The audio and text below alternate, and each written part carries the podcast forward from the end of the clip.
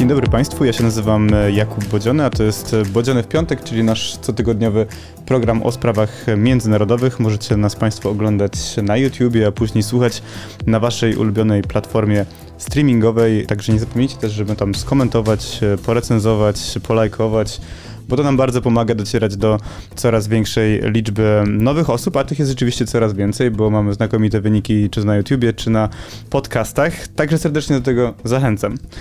I już przechodzimy do, do dzisiejszego tematu naszej rozmowy i do dzisiejszego gościa, którym jest pani Krystyna Kurczak-Redlich. Witam serdecznie. Dzień dobry panu, dzień dobry państwu. Wybitna dziennikarka, autorka jednych, uważam, z najbardziej przejmujących i, i wciąż najbardziej aktualnych chociaż nawet pisanych e, z perspektywy wielu lat e, materiałów, reportaży, książek o Rosji. Autorka jedynej tak kompleksowej biografii Władimira Putina w języku polskim, bestsellerowej, ale dzisiaj rozmawiamy wokół książki nie wiem czy najnowszej, no ale jest to trzecie wydanie książki wydanej oryginalnie w roku 2000, następnie drugie wydanie było w 2011 i teraz mamy to najnowsze wydanie właśnie Pandrioszki pod tytuł Rosja nic tu nie jest podobne do tego samego gdzie indziej. Książka ma, tutaj przeczytam kilka, no ze znakomitych blerbów czy, czy recenzji wydanych jeszcze w przeszłości. Na przykład Czesław Miłosz, e, takiej książki o Rosji jeszcze nie było, niezwykle interesująca i momentami w niemal poetyckiej prozie reportażu z Czeczeni nowatorska. Czy na przykład Jerzy Giedroyć, Pandrioszka odznacza się na tle wszystkiego, co publikuje się na temat Rosji i Czeczeni i dlatego uważam, że zasługuje na jak największy rezonans. No, mi pozostaje tylko się zgodzić i przy okazji od razu pogratulować i podziękować jeszcze raz za przyjęcie naszego zaproszenia. Bardzo to doceniam. Proszę mnie już tak nie chwalić, bo będę czerwona jak ta okładka. No. Ja tylko chciałam dodać, skąd ten tytuł Pandrioszka, że no jest to, że jest to puszka Pandory w matrioszce, która jak wiadomo jest lalką zawierającą wiele innych lalek w środku, a ja, kiedy otwarłam w fantazji oczywiście, w wyobraźni tę, tę lalkę po raz pierwszy, widziałam dużo ładniejsze sprawy, ale im bardziej ją otwierałam, tym straszniejsze wydawało mi się to, co widzę i stąd ta puszka Pandory. Tak i zresztą to mm, widać w treści książki i w samej jej strukturze, to znaczy ona się dzieli na takie trzy zasadnicze części, mianowicie e, życie, przeżycie oraz przetrwanie. Jest to podróż i zapiski z pani doświadczeń bycia w Rosji, mieszkania w Rosji i pracy w Rosji na przestrzeni różnych lat. Natomiast jest to raczej taka Rosja już e, czy schyłkowego Związku Radzieckiego i właśnie tych czasów przemian. I to czasów jest... Jelcyna. Tak. Ona się, ona się kończy pojawieniem się Putina. Kończy się. Tak, do tego jeszcze właśnie zaraz, zaraz jeszcze przejdziemy. Natomiast jest to też taka podróż przez te, przez te trzy zasadnicze części coraz bardziej mroczniejsza. Jak się czyta te początkowe fragmenty, czyli to życie, ona jest taka, mm, miejscami opisuje pani rzeczy absurdalne, w jakiś sposób takie przerażające, ale też no właśnie takie groteskowo śmieszne miejscami, tak? Znaczy, że, że paradoksy czy absurdy tego systemu, w jakim Rosjanie żyją, że one jednak są w jakiś sposób humorystyczne, albo też humor jest sposobem jakiegoś przetrwania w tego, w tego typu systemie. Natomiast jakby ta podróż jest później coraz bardziej mroczniejsza, szczególnie kiedy dochodzimy do, do tych kwestii związanych z mm, wojną w Czeczeniu, który, o których pani pisze w naprawdę, w naprawdę przejmujący sposób, ale też właśnie historii pojedynczych osób, które próbują w tym, w tym systemie przeżyć. Chciałam tylko dodać, że jedną z najlepszych recenzji wydał mi przedstawiciel Rosjan. Był to pracownik Radia Swoboda, Rosjanin, który no, rzeczywiście tę książkę porównał do najlepiej napisanej o Rosjanach książki, która się ukazała za granicą, ponieważ, tak jak on stwierdził, mnie się udało rzeczywiście poznać Rosjan i poznać ich istotę ich psychiki. O tak bym to powiedziała. I naprawdę to, co starałam się przekazać, na pewno nie było rzeczą negatywną o Rosjanach, tylko ja ich nie oskarżam, tylko ich oceniam. Oceniam w miarę poznawania i stwierdzenia, jak bardzo są jednak innymi ludźmi od tych, do których przywykłam w Polsce czy w ogóle po zachodniej stronie y, Bugu. Tak, znaczy no też widać taką pani fascynację tym tematem. Tutaj z opisu książki najpierw mamy takie zetknięcie z Rosją, na początku zachwyt, jakiegoś zauroczenie dotyczące sztuki czy, czy literatury rosyjskiej, czy to w postaci cerkwi, czy tego folkloru, czy nawet tego śpiewnego języka i później włącza się takie, takie opamiętanie, tak? To znaczy, że że to zderzenie z rosyjską codziennością jest y, nawet dla pani, ale też szczególnie dla mieszkańców ja Rosji. Dlaczego nawet dla mnie? Ja byłam szeregową Polką, która kompletnie nie miała pojęcia o Rosji, bo przecież ja jestem Polką okresu PRL-owskiego, czyli okresu, kiedy Związek Radziecki był nudnym tematem czytanek, tudzież pewnej E, opresji totalnej, politycznej i na tym się kończyło. No, czytaliśmy o przyjaźni polsko-radzieckiej codziennie w gazetach, no i zainteresowania zero.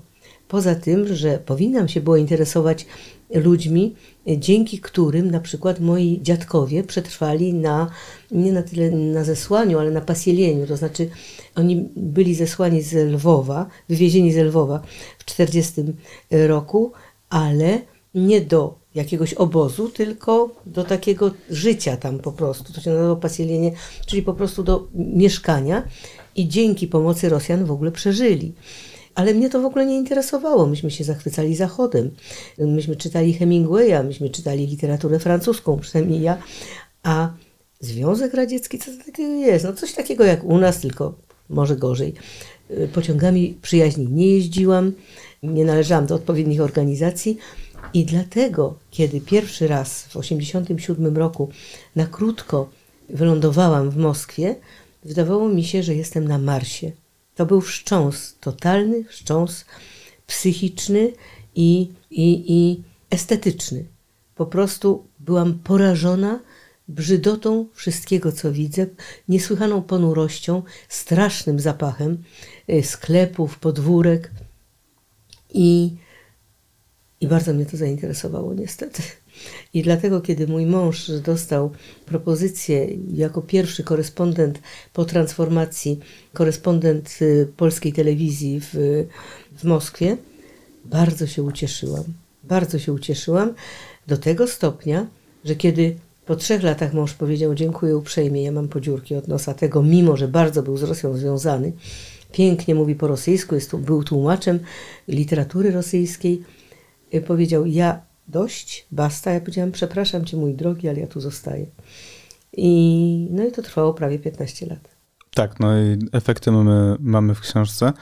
Zanim jeszcze troszeczkę, bo chciałem, żebyśmy porozmawiali o, o tej treści na ile ona pisana no, z perspektywy już kilkudziesięciu lat dalej pozostaje aktualna, pozostaje zaskakująco aktualna, to jeszcze chciałem właśnie dodać ten kontekst, w którym rozmawiamy obecnie. Rozmawiamy dokładnie wtedy, kiedy prezydent Ukrainy Wołodymyr Załański jest e, w Stanach Zjednoczonych. Mieliśmy to przemówienie przed, e, Kongres. przed kongresem. No, padły takie słowa, tutaj cytuję, wbrew wszelkim przewidywaniom Ukraina nie upadła, Ukraina żyje i oddaje ciosy mówił prezydent Ukrainy podczas tego wystąpienia w kongresie. Następnie, że pomoc dla Ukrainy to nie działalność charytatywna, to inwestycja w demokrację. Przyszły rok będzie punktem zwrotnym. Wiem to punktem, w którym ukraińska odwaga i amerykańska determinacja mogą zagwarantować przyszłość naszej wspólnej wolności, wolności ludzi, którzy stoją w obronie swoich wartości. Następnie to wszystko zostało potwierdzone przez prezydenta Joe Bidena, że to wsparcie dla Ukrainy będzie tak długo, jak, jak długo będzie potrzebne. Natomiast widzimy, że, bo mówimy też o tych 300 dniach wojny, które minęły już w tej pełnoskalowej inwazji od 24 lutego, widzimy, jak dramatycznie ten, ten okres zmienił Ukrainę. I tu mam zarówno na myśli te koszmarne obrazki ze zrujnowanych miast, czy to, co widzieliśmy tych bestialstw, do których dopuszczali się rosyjscy żołnierze, ale jednocześnie widzimy też, że to społeczeństwo i politycy trwale przynajmniej w takiej wyobrażalnej perspektywie, zorientowali się na Zachód, na Unię Europejską, NATO czy, czy Stany Zjednoczone i trudno byłoby sobie wyobrazić odwrócenie tego procesu w kierunku prorosyjskim, przynajmniej mi byłoby trudno. Natomiast chciałem zapytać pani... To, to, to zaraz, to zaraz, ale chciałem zapytać pani, czy te 300 dni, czy myśli pani, że one zmieniły w podobny sposób, albo inaczej w podobnie dogłębny sposób Rosję? Te 300 dni wojny? Czy to jest coś, co się dzieje obok życia zwykłych Rosjan? To, co się zdarzyło, to znaczy ta straszna wojna, nie zdarzyła się przypadkiem. Według mnie Putin cały czas parł do, w jaki sposób chciał sobie podporządkować Ukrainę. Bardzo często teraz spotykamy się z stwierdzeniem, że to była jego nagła decyzja. Ja twierdzę, że nie, że w Putinie od, od kiedy go znam, a śledzę go, to znaczy ja go w ogóle nie znam osobiście, bo dla polskiej dziennikarki mojego kalibru to było w ogóle nie do pojęcia. Ale jednocześnie myślę, że pani zna go no, w Polsce chyba najlepiej. No y, tak, dogłębne studia nad człowiekiem, którego się nie zna. Ale y, rzeczywiście, wracając do meritum, y, jest to człowiek, który po pierwsze mówi się, że na początku, na początku swoich rządów on był prodemokratyczny, że przejawiał jakieś skłonności do demokracji. Ja uważam i to udowodniłam, że jest to absolutna, absolutne chcieństwo Zachodu widzenia w Putinie, który stał się nowym prezydentem, człowieka, którego Zachód chciałby widzieć na tym miejscu, a który faktycznie od początku był zupełnie kim innym, czyli był tym, którego teraz my widzimy w pełnej okazałości imperialnym bandytą.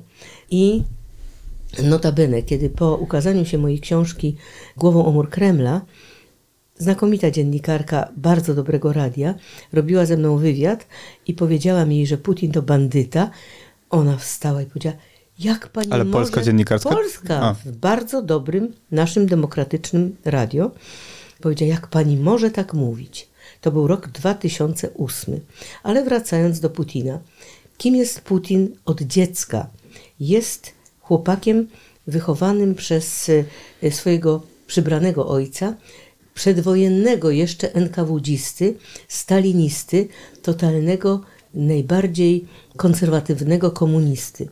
I taki człowiek panuje nad e, e, psychiką małego Wołodzi od początku. Ten człowiek wstąpił, jego przybrany ojciec, który uchodzi za jego oficjalnego ojca, on wstąpił do NKWD w 1937 roku, czyli w roku apogeum straszliwego terroru, e, który pochłonął miliony Rosjan przecież z terroru stalinowskiego. Tym niemniej on wstępuje do sił zbrojnych NKWD, które jest organizacją no, opresyjną w stosunku do każdego, kto myśli inaczej, po pierwsze, i opresyjną także w stosunku do innych państw, dlatego że ten człowiek już y, po pakcie Ribbentrop-Mołotow wchodzi jako żołnierz NKWD do Estonii, pacyfikując ludność Estonii pacyfikując, zsyłając do łagrów i y, no, czyniąc tam rzeczy straszne. Wraca, ale cały czas jest człowiekiem y, głęboko komunistycznym, o czym wspomina zresztą nauczycielka Putina, która mówi tak, prawdziwym komunistą był jego ojciec, a ja dopiero na drugim miejscu. I teraz mamy Wołodię, który ma w 1962 roku, on ma lat 12, bo urodził się w 1950, nie 52 i wtedy po 20 zjeździe, który był w 56 roku, zjeździe Chruszczowa, który występował przeciwko kultowi jednostki, czyli przeciwko kultowi Stalina, zaczynają lądować portrety Stalina na śmietnikach. Ale y, mały Wołodia wyciąga taki portret ze śmietnika i triumfalnie przybija go na kamienicy do, do ściany domu, w którym mieszka, nie do ściany swojego mieszkania. I robi to wbrew opinii całego, mm, całego tego domu. A więc jak ważny dla niego był wtedy Stalin. Dobrze, Putin mały rośnie, ale wstępuje do KGB.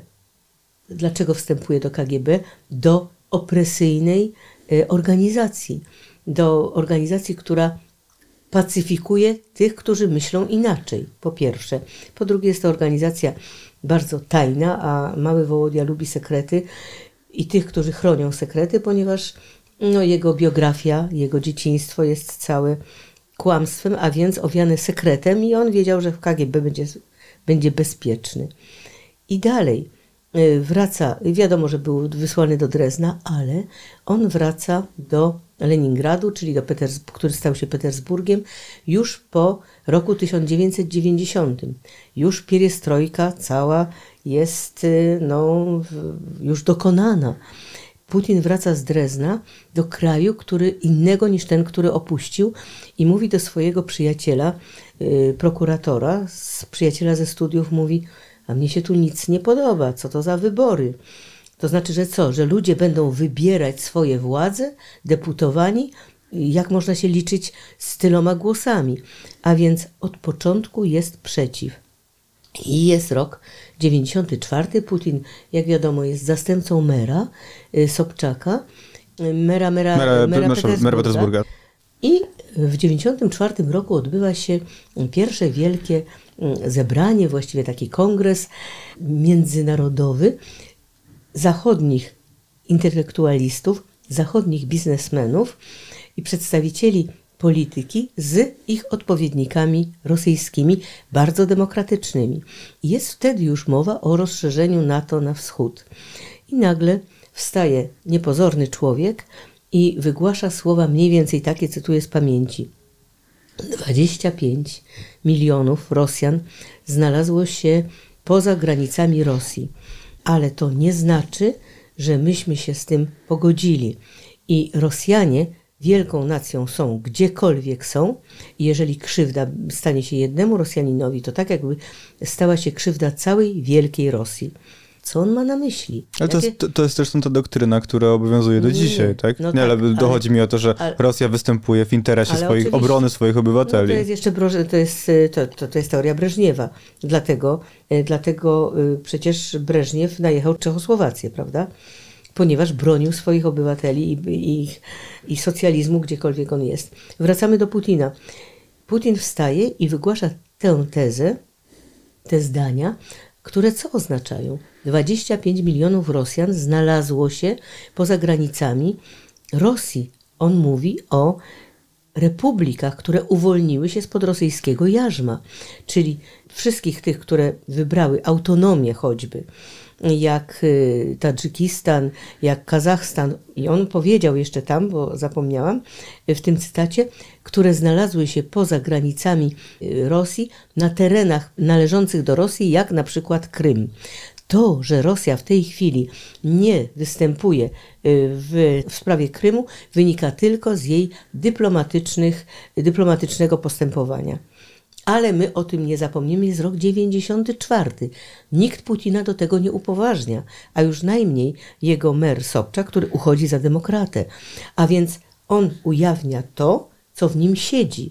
Czyli w tym i co się potem ujawniło, tak jak już no, był osobą tak, decyzyjną. Nie, I teraz dalej. Rok 94, on jest tam zajęty innymi sprawami, traci pracę w 96 roku w Petersburgu, drogą różnych znajomości dostaje się na, na Kreml, odpuszcza na razie sprawę wielkiego imperium, ale tylko praktycznie, bo teoretycznie już w pierwszych swoich orędziach do parlamentu, do obu ich parlamentu mówi o tym, że my będziemy Rosji bronić, my podniesiemy Rosję z kolan i gdziekolwiek nas zaatakują, to będziemy Rosję bronić. Ale przecież nikt Rosji nie atakuje. Jest rok 2000, kiedy Putin to mówi. Ergo, ta cała jego filozofia wojny jest w nim nieustannie. Też to taka filozofia I... oblężonej twierdzy, tak? Znaczy, że właśnie Rosję zawsze trzeba bronić, no bo Rosja nie atakuje. Rosja zawsze, zawsze występuje w swojej obronie. Ona zawsze się broni, więc tak, pierwsze lata, w pierwszych latach przejawia zainteresowanie czym innym, sprawami wewnętrznymi, ale jest rok 2004, pomarańczowa rewolucja. Skąd ona się wzięła? Ona się wzięła z oporu Ukraińców wobec fałszerstw y, wyborczych, które zostały ujawnione i udokumentowane. Ale te fałszerstwa wyborcze dotyczyły prezydenta, którego mianował Putin. Putin mianował Wiktora Janukowicza na prezydenta w 2004 roku i już i siedmiokrotnie jeździł do Kijowa po to, żeby go wesprzeć i już było właściwie ogłoszone było jasne, że Wiktor Janukowicz zostaje prezydentem, aż tu nagle komisja wyborcza pod wpływem udowodnienia fałszerstw przez obserwatorów ukraińskich mówi nie, nie, to nie Wiktor Janukowicz, tylko Wiktor Juszczenko. I tutaj po prostu Putin, który przyjechał już gratulować wygrania wyborów Janukowiczowi, dostaje po prostu w twarz. Publicznie ponieważ on publicznie w telewizji, więc przed y, Ukraińcami, przed całym światem, gratuluje człowiekowi, którego potem zdezawuowano, Putin czuje się sponiewierany i on nigdy tego Ukraińcom nie zapomniał. Poza innymi tego upokorzenia, tak? Poza innymi grzechami, że w ogóle ośmielili się oponować, że ośmielili się uciec spod y, kontroli Kremla w 1991 roku, wybierając niepodległość, prawda, głosując w referendum za niepodległą Ukrainą. I to była wielka, to ja, ja byłam świadkiem tego, tego niesłychanego ataku na pomarańczową rewolucję. Pojawiły się antypomarańczowe marsze. Pojawiło się przede wszystkim oskarżenie Hillary Clinton, która była e, wtedy chyba sekretarzem stanu, sekretarzem stanu która poparła. Czyli takim szefem MSZ-owskim no tak, amerykańskiego. spraw zagranicznych tak, po tak, prostu, tak. która poparła manifestujących Ukraińców. I on od razu stwierdził, że cały ten zryw wolnościowy. Był... Co więcej, wszystkie te kolorowe rewolucje, które wybuchały w innych krajach, i to też jest ta narracja, którą widzimy teraz propos Ukrainy, że to są de facto rzeczy finansowane przez, jej... przez Stany Zjednoczone. Tak. I to był pierwszy wielki wstrząs dla Putina, że naród, że ludzie cokolwiek mogą, że oni mają jakąś potęgę. On się strasznie boi manifestujących mas. No potem przyszła, potem się strasznie przestraszył tego, co działo się w Afryce, prawda? No ale jeszcze wcześniej. Mamy rok 2009, kiedy y, Putin sprowadza do y, Moskwy y, prochy dwóch szalenie antyukraińskich osób. To znaczy generała Białej Gwardii e, Denikina, który pacyfikował Ukrainę w 1920 roku, który twierdził, że Ukraina nie ma prawa istnieć jako odrębne państwo, że jest to Małorosja. To jest jeszcze termin z czasów carycy Katarzyny. Tak, czyli no, po, rzeczy podobne, które wymawiał Putin wielokrotnie. No, od tego się zaczyna. I co mówi Denikin? On mm, pacyfikując Ukrainę i unicestwiając Ukraińską Akademię Nauk, mówi, że nie istnieje ukraińska nauka, nie istnieje ukraiński język, a wszyscy, którzy twierdzą, że tak jest, to będą wrogami Rosji tak długo, jak długo będą tak twierdzili. I potem drugim człowiekiem, drugimi prochami, które sprowadza z zachodu, z emigracji, gdzie umarł ten człowiek, to był Iwan Ilin, w gruncie rzeczy faszysta, absolutny nacjonalista, który powtarzał to samo co Denikin, tylko bardziej teoretycznie, powtarzając, że Ukraina nie ma prawa do istnienia, a jej naród powinien karmić, jej czernoziem i ludzie Ukrainy powinni karmić Rosję, a Ukraińcy powinni bronić Rosji. I to wszystko. I teraz w ostatnim nawet orędziu Putina, w którym on ogłasza mobilizację, powszechną mobilizację, jest cały akapit z tegoż Ilijina. Księgi Ilijina zaczęły być wszędzie dostępne. Filmy o Ilijinie można oglądać w rosyjskiej telewizji bardzo często, jaki to wspaniały człowiek i tak dalej. I na Ilijina, czyli człowieka o faszystowskich w ogóle poglądach powołuje się Putin cały czas. Ale to pani Krystyno, ja sobie pozwolę, bo jak już narysowaliśmy ten obraz Putina, przynajmniej części jego działań, też części jego motywacji i poglądów, z czego one właśnie wynikały i że to nie była jakaś nagła decyzja, raczej jego poglądy, które on w sobie miał no niemal od zawsze. Natomiast chciałbym, żebyśmy trochę przenieśli ten środek ciężkości naszej rozmowy na, na społeczeństwo, na Rosjan, o których pani bardzo dużo w Panterioszce pisze. I tutaj na skrzydełku jest taki cytat, który, który chciałbym, żebyśmy, żebyśmy od niego jakoś się odbili. U nas Rosja, u nas wszystko jest możliwe. Wszystko, co niepojęte gdzie indziej. Tu nie należy się dziwić, bo tak z Rosją robią. Ale kto? Władza. Bo u nas władza może wszystko, może z człowiekiem zrobić wszystko, może z państwem zrobić co zechce. Tu nie ma zasad i nie ma praw, nie tak jak gdzieś tam u was, u nas po drugomu, u nas inaczej. I tu wracam do tego mojego pytania. Czy te 300 dni według pani tej wojny mogłyby zmienić tą taką już słynną apatyczność Rosjan, czy one ją tylko pogłębią? Czy pani widzi, że to jest potencjał zmiany, czy to jest potencjał zwiększenia w tego, w czym Rosjanie tkwią ja od lat? Tak. Po pierwsze, jak Rosjanie mówią, odkuda nogi rastą. Skąd się bierze ta apatia Rosjan? Z wiekowego terroru. My nie zapominajmy, oceniając Rosjan, jaka jest różnica w naszej historii i w ich historii. To jednak oni byli pod mongolskim jarzmem straszliwym, pełnym tortur i przemocy przez 300 lat, a potem mają coraz to bardziej groźnego i opresyjnego cara. Tak, pani, pani pisze o tym, że de facto nie było jednego pokolenia od tych czasów yy, mongolskich, które by z tego, spod tego jarzma przemocy mogłoby się wyrwać. Więc właśnie. Że ta spirala ciągle tylko zmieniała No ewentualnie mundury, Mamy oznaczenia, czy... Iwana Groźnego, potwornego, to znaczy człowieka, historyk tutaj powie, ale on wzmocnił państwowość rosyjską, okej, okay, ale jakim, y, jakim kosztem? To on stworzył pierwszą policję Y, właśnie myślenia, czyli opryczninę, która pacyfikowała bojarów, która unicestwiała, terroryzowała, zabijała, wbijała na pal bojarów. Przecież to Iwan Groźny straszliwie pacyfikuje wielki Nowogród, który ośmielił się mieć swoją demokrację. Niedługo to trwało, ale skończyło się tym, że Iwan Groźny cały ten wielki Nowogród z jego kilka już miesięcy, nie, tutaj nie jestem historykiem, nie pamiętam jak długo, istniejącą demokratyczną władzą, którą mogli tam wybierać mm, mieszkańcy Nowogrodu i tak dalej, otacza, otacza szczelnym murem, zabija wszystkich mężczyzn, do kobiet przywiązuje dzieci, i wrzuca je do rzeki, y, z, a z mężczyzn na przykład robi tak zwane słupy lodowe, od tego czasu mm, znane, to znaczy wstawia, wstawia do y, rzeki człowieka i tak długo oblewa się go wodą, aż staje się z niego słup lodowy i on w tej pokrywie lodowej umiera.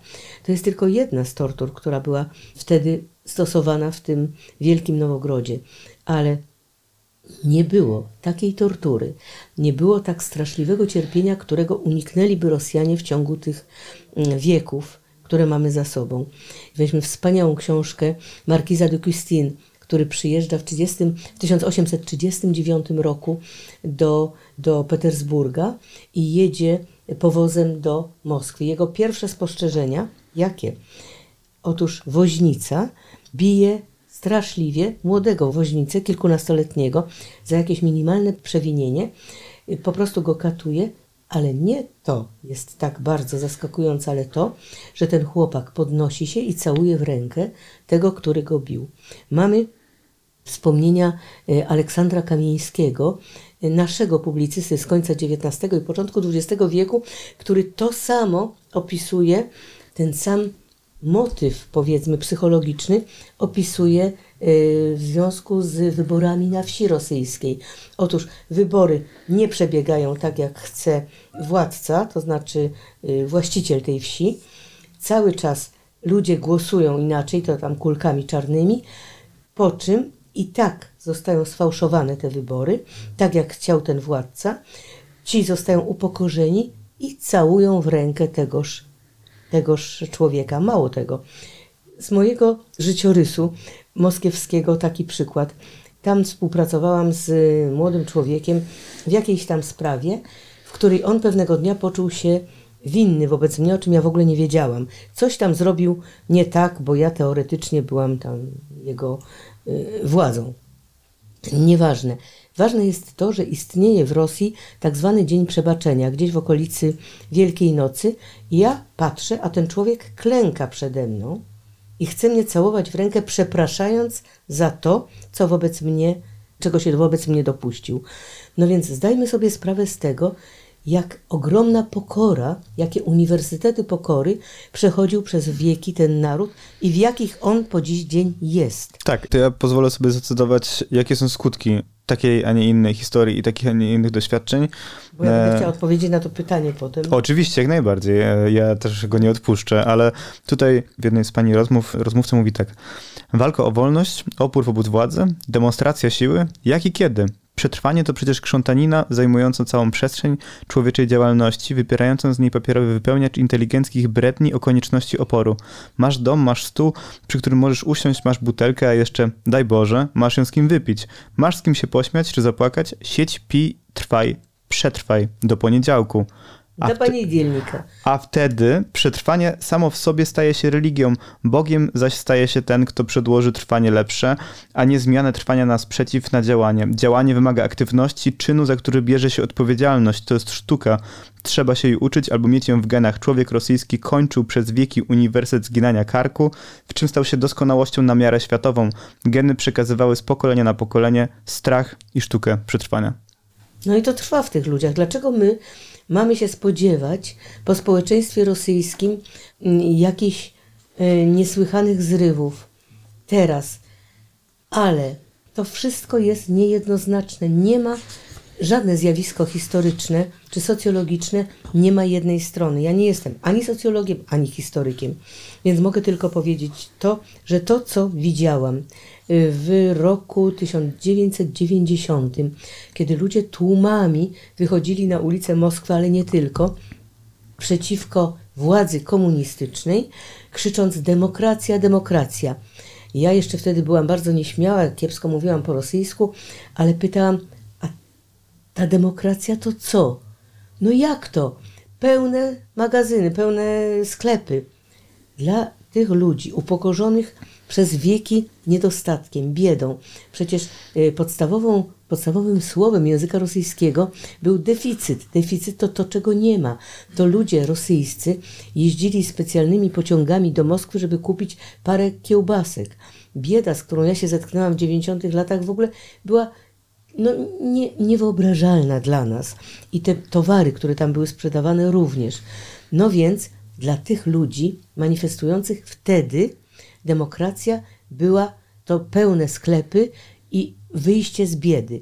Zupełnie nie łączyli tego z głasnością, to jest z tym, co, co było hasłem Gorbaczowa, czyli z wolnością słowa ani tym bardziej. Też trudno się dziwić, tak? Wielością... To znaczy, no najpierw interesuje się tym, czy mam co dać no na talerz, właśnie. a dopiero potem w jakim systemie Wielość politycznym partii, żyję. Wielość partii, wolność słowa, wszystko to, co zaistniało bardzo za czasów Jelcyna, nie zaistniało w psychice i w mentalności Rosjan, ponieważ była wtedy ogromna bieda. My nie możemy zapominać tego, że Jelcyn dostaje, pierwszy prezydent demokratycznej Rosji, dostaje fiskus absolutnie pusty. Budżet państwa jest pusty, on nie wie, jak go napełnić. Nie ma przecież y, żadnych narzędzi ani ludzi, y, takich jak Balcerowicz, powiedzmy, którzy by to potrafili zrobić, więc jest bieda, a y, cena baryłki ropy wynosiła 12 dolarów. Budżet ustanawiano maksymalny na 19 dolarów. Czyli wtedy, kiedy budżet się spina, potocznie rzecz więc, ujmując. Więc tak jest. A y, szatańskim wybrykiem natury, jak tylko Putin doszedł do władzy, cena baryłki ropy wzrosła 40, 70, 140, więc różnica w możliwościach finansowych Putina a Jelcyna była ogromna. I to, co prezentował Jelcyn, czyli pełną demokrację i wolność, zupełnie nie zakotwiczyło się w psychice ówczesnych Rosjan. Do nich to nie docierało. Ja mówię o powszechnej, nie mówię o tej wąskiej warstwie inteligencji. To, że jest masa demokratycznych pism, to, że jest wielość frakcji w parlamencie, to, że te frakcje walczą ze sobą. Jaka była puenta tego? Siedzę kiedyś na, co tutaj opisuję, jakiś tam wieczór, jakieś przyjęcie w towarzystwie starszych już ludzi, inteligencji, inżynierów. I jedna z y, pań mówi tak, na moje zachwyty, że jest tyle frakcji, że tyle ciekawego się dzieje w, w dumie. Ona mówi, a ja nie chcę wielu prawd, a ja nie wiem, co mam wybierać. Ja chcę jednej prawdy i jednego przekazu. I tu pamiętam do dziś, jak mnie sparaliżowało zupełnie. To znaczy, ona chce Związku Socjalistycznych Republik Radzieckich, kiedy miała jedną prawdę i jeden, jeden przekaz. I cóż, przychodzi Putin do władzy i pojawia się jedna prawda i jeden przekaz. Telewizja opozycyjna, która przez cały czas rządów Jelcyna biła w niego jak w bęben, znakomita telewizja NTV, na bardzo wysokim poziomie. No, czyli robiła dziennikarską robotę po prostu, tak? No, krytykowała ją, władzę. Wspaniale ją robiła. to Jelcyn zapraszał tych dziennikarzy do siebie na Kreml. On ich usiłował przekabacić, on im usiłował wytłumaczyć się. Za czasów Jelcyna krzywda nie spotkała żadnego dziennikarza. Przychodzi... To się szybko zmieniło. To się zmieniło z dnia na dzień. Przychodzi Putin do władzy, w ciągu pierwszych miesięcy swoich rządów likwiduje tę telewizję i pojawia się jedna prawda, on, on, on, on to powiedział w pierwszym swoim orędziu, że będzie jedna prawda, jeden naród, zawiesił tu głowę, żeby nie było ein Volk, ein Reich, ein Führer, powiedział i jedno społeczeństwo. Więc nie powiedział ein Führer, ale to się stało jasne. I to był przekaz początkowego Putina. I Putin, jak on podnosi, mm, podnosi Rosję z kolan? Ano tak, że mówi wszystkim tym, którzy klepią biedę, jesteście członkami wielkiego narodu, jesteście członkami wielkiej Rosji i bardzo szybko, no w ciągu paru lat, pojawia się ta antyzachodnia propaganda. Oni nas niszczą, oni nas nie chcą. No rzeczywiście, Putin spodziewał się, że finansowe wsparcie e, Rosji będzie jeszcze większe.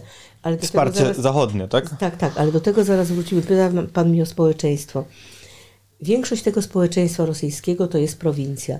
Prowincja ma jedną telewizję, zresztą u nas, prawdę powiedziawszy, też, dlatego że TVN nie dociera do wielu miast, wszystko jedno o nasze prawdy, ale tam jest tylko e, do odbioru, w ogóle jest tylko jedna telewizja, czy telewizji jest kilka stacji telewizyjnych, prawda jest jedna.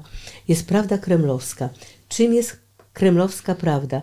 Totalnym kłamstwem. Wszystko, co od samego początku Putin napada na Czeczenię, bo jest mu to potrzebne do wsparcia jego władzy i oczywiście odwraca, odwraca fakty, mówiąc, że to Czeczenia napadła na Rosję. I tutaj mamy no Oczywiście Rosja się broni tak dalej, tradycyjnie. Wysadzania domów organizowane przez FSB. Rosja się broni tradycyjnie. Tylko Fałsz. dopowiem, bo pani mówi o tym wysadzaniu domów przez FSB. Chodzi o tak zwane prowokacje. To chodziło o te w Moskwie zamachy. Że zostały wysadzone dwa domy w Moskwie, dwa na prowincji, trzeci miał zostać wysadzony, ale złapano agentów FSB na gorącym uczynku, że tak powiem. Zrzucono winę natychmiast na terrorystów czeczeńskich po to, żeby rozpocząć wojnę z Czeczenią, na czele której można było postawić ówczesnego premiera Władimira Putina. Władimir Putin natychmiast docenił wielkość przekazu telewizyjnego, potęgę przekazu telewizyjnego i można go było widzieć od rana do wieczora, a to w samolocie, a to w szpitalu, a to wśród wojskowych do których leciał nie tak jak teraz prezydent Zeleński jedzie naprawdę na front. Jak Putin miał gdzieś się pojawić wśród wojskowych, to było teren oczyszczony. Mało tego, trasa powietrzna była oczyszczona z innych samolotów, bo Putin w gruncie rzeczy jest wielkim tchórzem. Ale wracamy do tego społeczeństwa. Społeczeństwo jest już jest zaatakowane przez Czeczenów. No fajnie, mają pierwszego wroga, wielkiego wroga. I Doskonale to znamy z już teraz, z naszej polityki również, że każdy dyktator potrzebuje wroga i tego wroga montuje jak nie tego, to innego. Tym wrogiem, jak przestali być Czeczeni, zaczęli być e, Gruzini. Jak już Gruzini odpadli, to po to, żeby napaść na Syrię, żeby wzmocnić tyrana Asada, to Putin, Putin wysłał tam samoloty, zaatakował Syrię, no przecież mamy Aleppo. Aleppo, które w swojej ruinie podobne było i do Groznego, które ja widziałam, i do dzisiejszej Ukrainy. I teraz do Bachmutu, jest, czy do Mariupola. To jest, to jest ciągle to samo. To jest ręka tego samego dyktatora. A kiedy już mu zabrakło innych wrogów, no to znalazł LGBT i tak dalej. Ale czy pani w takim razie uważa, że te badania dotyczące poparcia społeczeństwa rosyjskiego dla tej tak zwanej specjalnej operacji wojskowej, jak to się wciąż w Rosji przedstawia, gdzie w teorii większość badanych rzeczywiście taką, taką chęć czy takie poparcie deklaruje, czy one są w takim razie autentyczne? W sensie, czy tak po prostu, bo nie możemy tego sprawdzić, tych badań, nie mamy takich możliwości, ale jeśli chodzi o emocję społeczną, to według pani ona pozostała, tak? Wydaje mi się, że co najmniej w 50% pozostała taka, jaką chce Putin. No przecież, to, dobrze, w 50% poddają się kłamstwu. Widzieliśmy wczoraj kiedy Zeleński leci do, e, do, do Bidena, do Stanów Zjednoczonych. Putin organizuje wielkie z ministrem obrony, wielkie zebranie, cała sala pełna wojskowych, zupełnie jak za, za, za najgłębszej komuny. I Putin wygłasza kłamstwo za kłamstwem. Myśmy chcieli się porozumieć z Ukrainą. Nigdy nie chcieli, zawsze ją atakowali, już nie mówiąc o 14 roku, ale wcześniej także. I NATO podeszło do granic Rosji. Ani jeden żołnierz NATO przecież nie postawił stopy w Ukrainie. A no to jest to cała narracja o ekspansji więc, rzekomej NATO, tak? które, które zagraża niby Rosji. odwracanie y, faktów na rzecz kłamstwa i pojenie tego narodu y, kłamstwem. Oczywiście, że młodzi mają do dyspozycji internet. Oczywiście, że Tylko, że ich jest wojny, za mało? 20 tysięcy młodych już wyjechało od początku wojny natychmiast, w pierwszych miesiącach wojny. A później jeszcze więcej uciekając przed poborem. Tak, tylko że oni uciekali przed tym, żeby, żeby nie iść walczyć, ale to nie wiem, czy do końca znaczy, że byli przeciwko wojnie. Oni byli przeciwko temu, żeby Mogli wojna ich dotknęła. Przeciwko walczeniu w tej wojnie, tak? Ale on, niekoniecznie on... przeciwko na przykład podstawom ideologicznym tej wojny. No więc właśnie. Ale teraz mamy drugą połowę która na przykład, kiedy dziennikarz podchodzi z mikrofonem do młodego człowieka na ulicy i mówi: A co pan myśli o wojnie w Ukrainie? Mówi: To jest prowokacyjne pytanie. Nie ma wojny, jest operacja antyterrorystyczna. Czyli ten chłopak wie, że jest wojna. Ten facet, gdyby mógł, powiedziałby: Jestem przeciw, ale on boi się. On wie, czego się boi. Za nazwanie operacji antyterrorystycznej i denazyfikacyjnej i demilitaryzującej Ukrainę y, za nazwanie jej tego wojną grozi 14 lat więzienia. I teraz przechodzimy do, do faktów w tej sprawie.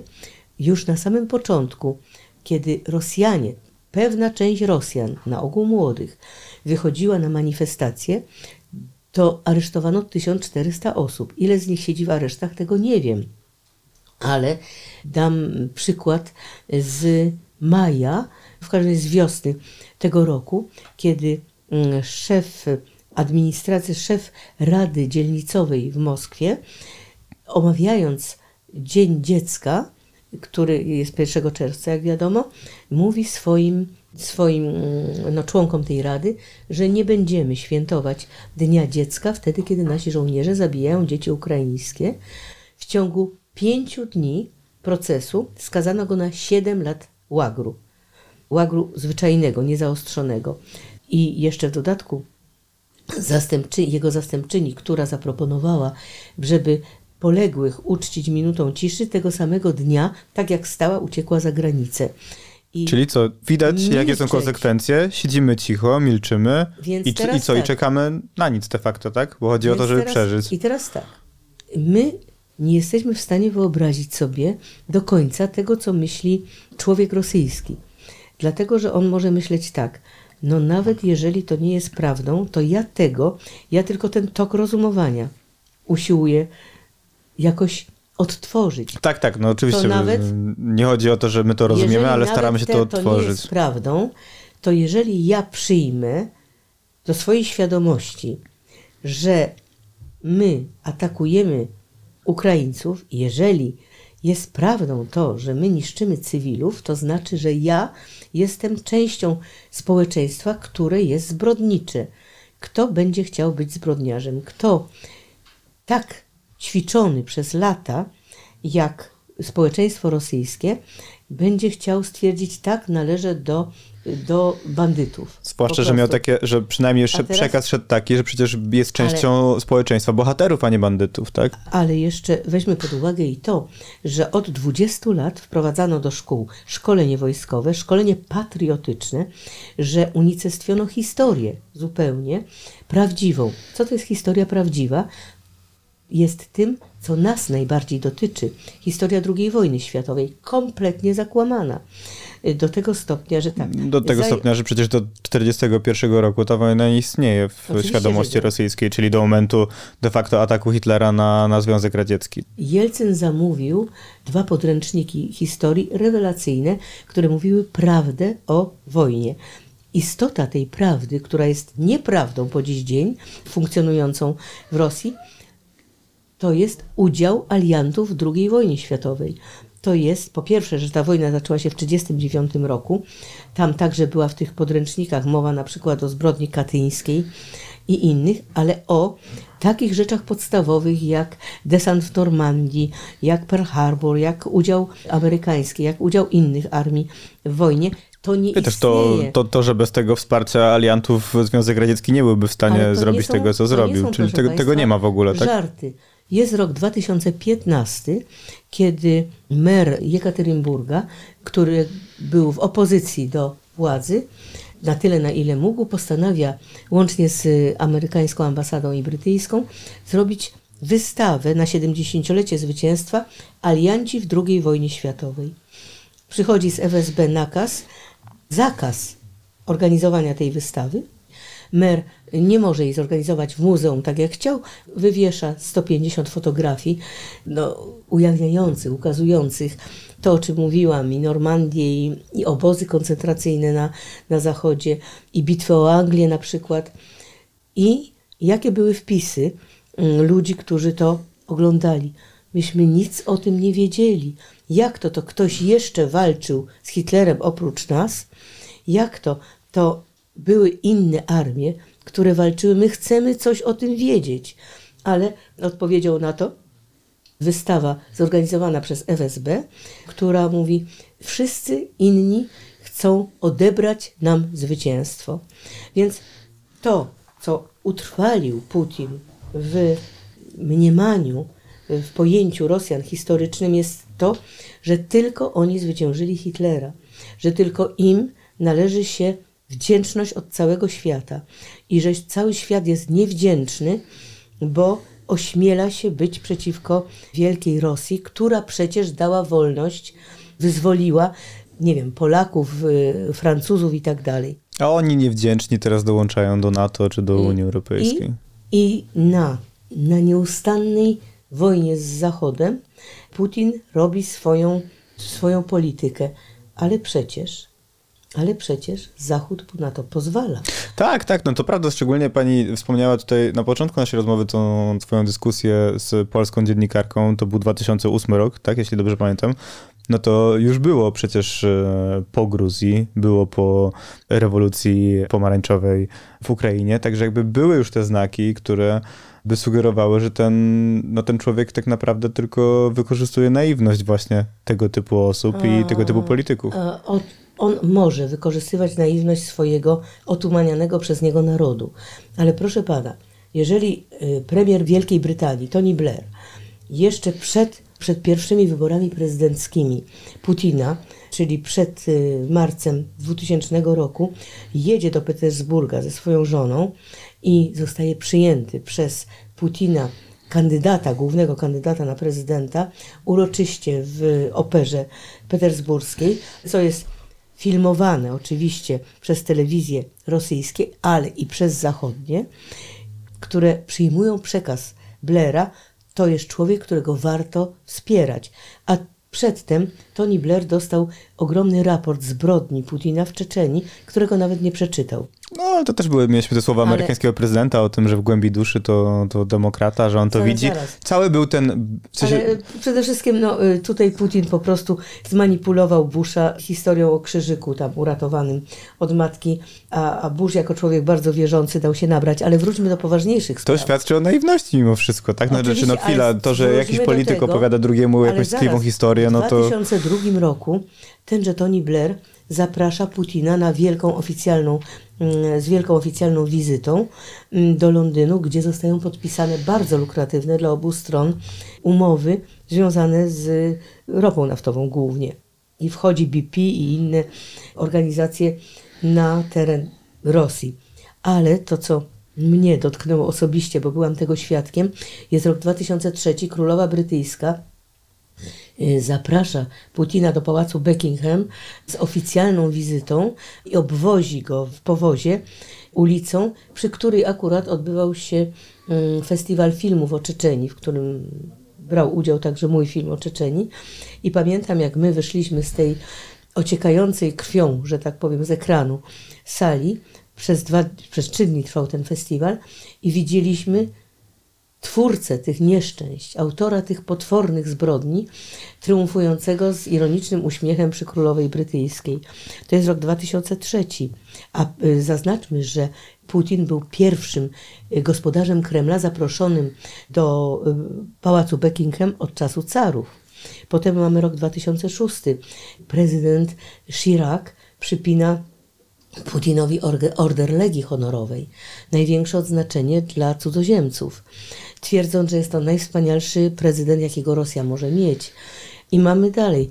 W 2008 roku jest wojna przeciwko Gruzji, już jest pacyfikacja, już bomby spadają na Gruzję, a w 2009 roku od czego zaczyna prezydent Obama? Od resetu. Od resetu, Tak prawda? jest.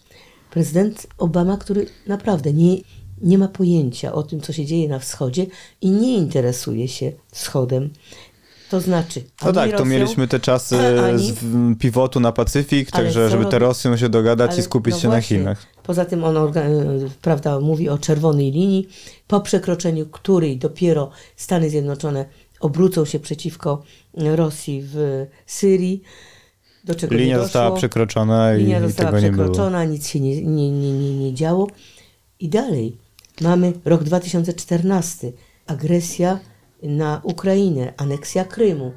A w 2017 roku, yy, chyba tak, prezydent Macron zaraz po swoich wyborach, dosłownie dwa tygodnie po tym, jak zostaje prezydentem, zaprasza prezydenta Putina nie wprawdzie do Pałacu Elizejskiego, czyli nie z bardzo oficjalną wizytą, tym niemniej do Wersalu. I zaczyna z nim rozmawiać, nie bacząc na zbrodnie już popełnione przez Putina w poprzednim czasie. W takim razie, bo też niestety musimy zmierzać powoli do końca, ale to jeszcze kilka takich kwestii. Czy pani w takim razie widzi, opowiadając to wszystko e, właśnie, e, o czym tutaj rozmawiamy, czyli o tym, że było to troszeczkę po nicy do kłębka i, i wszystko to były określone przyczyny, które doprowadziły do takiego, a nie innego stanu rzeczy i do tego, co obserwujemy obecnie. Czy według pani jest możliwy powrót do tego business as usual? Nie, Już nie. nie. Wydaje mi Czyli się, nie będzie zaproszenia do mm, Wersalu. Och nie, to na pewno nie. Zaraz, ale skończmy sprawę Rosjan, bo chciałabym to do końca, moją linię rozumowania na ich temat jakoś przekazać, że, że znaczna część jest zmanipulowana i popiera i dlatego, że chce być częścią wielkiej Rosji i nie wierzy w to, że Rosja napadła na Ukrainę, a wierzy w to, że NATO napadło na Rosję, a pozostała część jest albo zupełnie poddana tej, poddana tym potwornym kłamstwom i bojąca się ich, czyli popierająca ze strachu, a część jest zupełnie obojętna. Ponieważ obojętność polityczna i twierdzenie, że ja się nie zajmuję polityką, jest naprawdę największym prezentem, jaki można zrobić dyktatorom. Ale to ja się tylko dopowiem tutaj, bo to było uczucia, które ja miałem czytając pani książkę, ale też czytając no, różnego rodzaju inne reportaże, które również o tej apatii rosyjskiej y, mówią.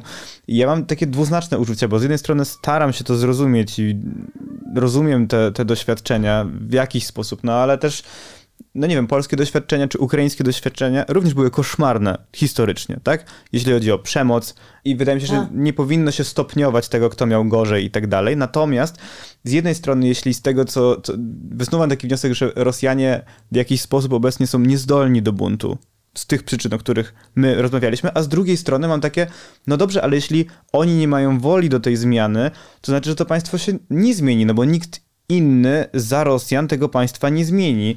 Dlatego w jaki sposób my im powinniśmy Wy, dawać, Rosjanie, dlaczego my powinniśmy im dawać jakąś drugą szansę, czy kolejną Rosja, A kto szansę? powiedział, że powinniśmy? No, jak widzę w Niemczech czy we Francji, to tutaj jest e, Proszę pana, to Do tego wola. Dwa, to jest bardzo. Rosjanie zawsze się śmieją, że y, najbardziej nas kochają ci, których pobiliśmy. Pobiliśmy Napoleona i od tego czasu Francuzi nas kochają. Z Niemcami jest inna sprawa. Sprawa ich wychowania powojennego dla pokoju. Bardzo dużo o tym mówiono, nie będę ja o tym Mhm. mówić, bo nie jestem tutaj specjalistką. W każdym razie już teraz zmienia się jednak to poparcie, to, ten brak poparcia niemieckiego na pełne poparcie i wynika jasno z oceniania pomocy dla Ukrainy, że na pierwszym miejscu stoją Stany Zjednoczone, potem Niemcy i Francja. Jeśli idzie o wsparcia finansowe, Tak. o wsparcia organizacyjne. I równocześnie, kiedy Macron mówi, że musimy zagwarantować Rosji y, bezpieczeństwo dyplomatyczne, równocześnie organizacje obrony y, praw człowieka francuskie bardzo silnie wspierają takież organizacje y, w, w Ukrainie. Więc myślę, że ego Macrona bardzo chce jednak utrzymać się na y, pozycji tego, który dojdzie do porozumienia z Putinem, pacyfikując Putina. Y, Bo Macron się myli po prostu. Ale mówi pani pacyfikując, a nie ugłaskując, tak? No bo właśnie o to mi chodzi, bo wiadomo, że ta wojna się skończy jakiegoś rodzaju porozumieniem, żeby się, skończy się przy stole, ale warunki przy tym stole będą dyktować warunki przy froncie. Pytanie, czy właśnie takiemu Macronowi, czy takiemu Scholzowi rzeczywiście zależy na tym, żeby przy tym stole Ukraina miała jak najlepszą pozycję, a nie na tym, żeby jak najszybciej tę wojnę skończyć. Kosztem Ukrainy, szczególnie tutaj Oj, przywołam sondaże, tylko przywołam te sondaże i w Polsce one też się zaczynają zmieniać, ale coraz więcej osób, społeczeństw w Europie Zachodniej jest za tym, żeby wojnę zakończyć, nawet kosztem właśnie koneksji terytorialnych ze strony Ukrainy. Bo coraz lepiej pracują trole, trole rosyjskie, bo coraz lepiej pracuje, pracują agenci rosyjscy, po prostu, których jest pełno. To stwierdzone, CIA stwierdziło bodajże, że y, tak wielkiej ilości agentów jak y, za czasów Putina, agentów rosyjskich na Zachodzie, nie było nigdy za ZSRR. Więc zdajmy sobie sprawę z tego, że działają działają przekazy podprogowe, to znaczy działają, cały internet jest zalany trollami. Ja widzę to mm, po reakcjach na różne moje tam wystąpienia. To jest jasne, kiedy piszą oburzeni na mnie rodacy, a to jest jasne, kiedy piszą trolle, bo to, to, to, to się da Widać po składni nawet czasem. Ale, no tak, ale mm, jednak Russia Today zostało zakazane we Francji. To znaczy mm, szczekaczka rosyjska, znakomita telewizja, znakomita w sensie profesjonalnym i propagandowym, rosyjska telewizja jest zabroniona w, we Francji i w ogóle na Zachodzie. Y, Tym niemniej to, jak na nas działają Rosjanie, agenci rosyjscy, y, widać, właśnie widać po rezultatach. My się zmieniamy nie dlatego, że rzeczywiście źle życzymy Ukrainie, tylko dlatego, że ktoś gdzieś nam mówi, że Ukraińcy może nie zasługują na taką wolność, a dlaczego my mamy cierpieć, a dlaczego nam ma być zimno, a dlaczego nam ma być gorzej. I drogo. A, I drogo. A co nas właściwie ta Ukraina obchodzi? To jest styl rozumowania rosyjski nam w większości absolutnej narzucony.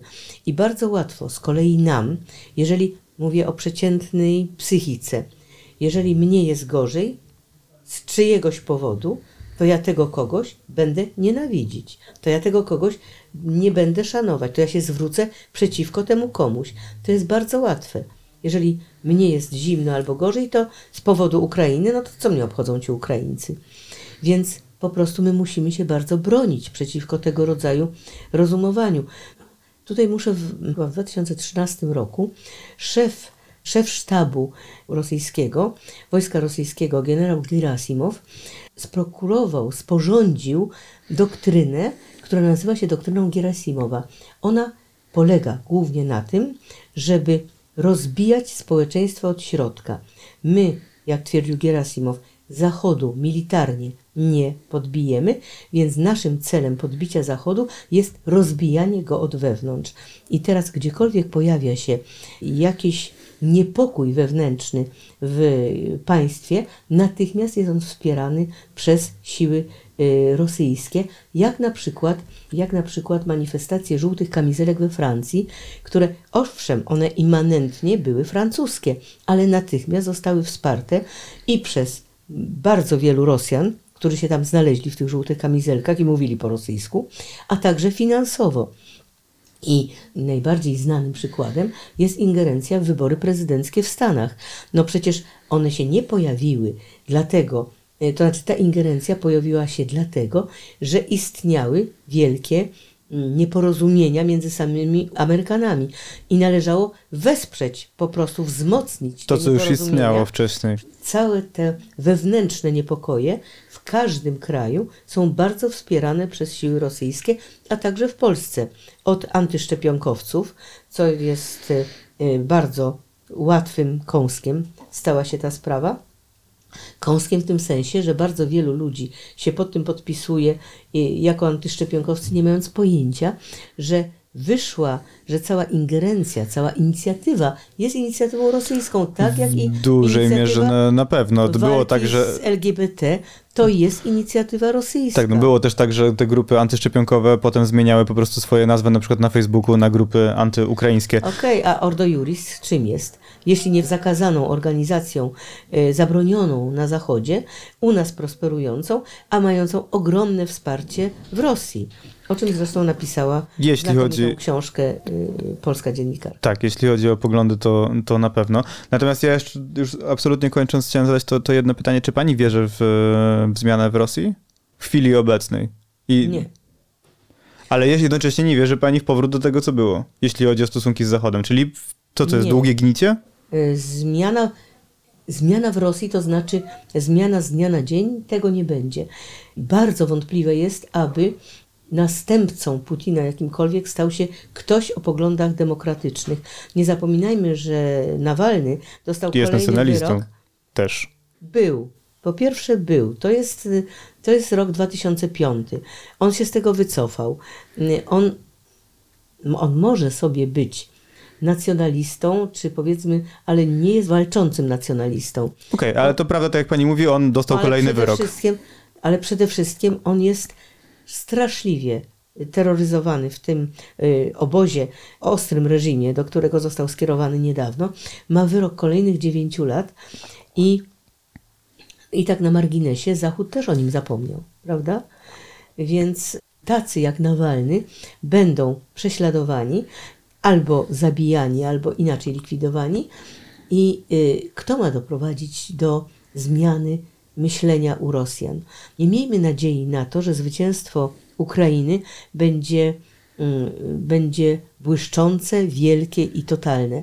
Ja bardzo się obawiam tej naszej, tego mojego chcieństwa zwycięstwa totalnego Ukrainy, dlatego że Rosja może zalać Ukrainę swoimi żołnierzami, umiejącymi walczyć, nieumiejącymi, muszącymi walczyć, ponieważ Putin stosuje to, co stosował kiedyś Stalin niemożliwość dezercji.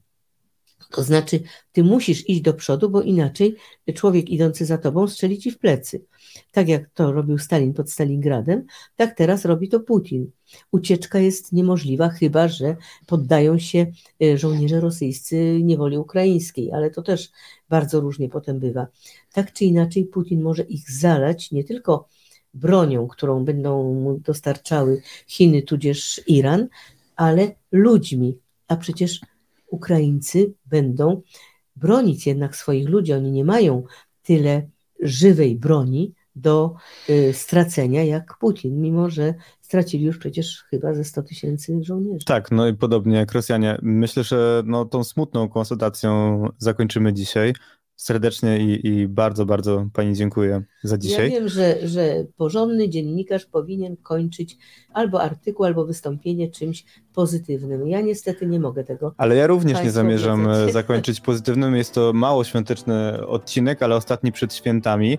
Natomiast wydaje mi się, że taką konkluzją z niego płynącą jest to, żebyśmy teraz, jak będziemy przy tych wigilijnych i świątecznych, rodzinnych stołach, pamiętali o tym, co dzieje się na Ukrainie i o tym, że szczególnie teraz w tych miesiącach zimowych Ukraińcy potrzebują naszego wsparcia.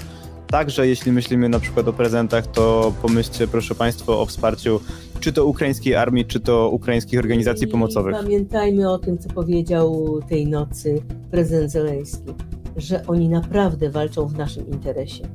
Tak, to nie jest działalność charytatywna z naszej strony, tylko inwestycja w nasz interes i w naszą demokrację. Bardzo jeszcze raz Pani dziękuję. Dziękuję Panu, dziękuję Państwu. I dziękuję również Wam, że byliście dzisiaj z nami. Program wydawała i realizowała Zofia Majszek, której również serdecznie dziękuję, a my widzimy się i słyszymy już za tydzień. Do zobaczenia, do usłyszenia.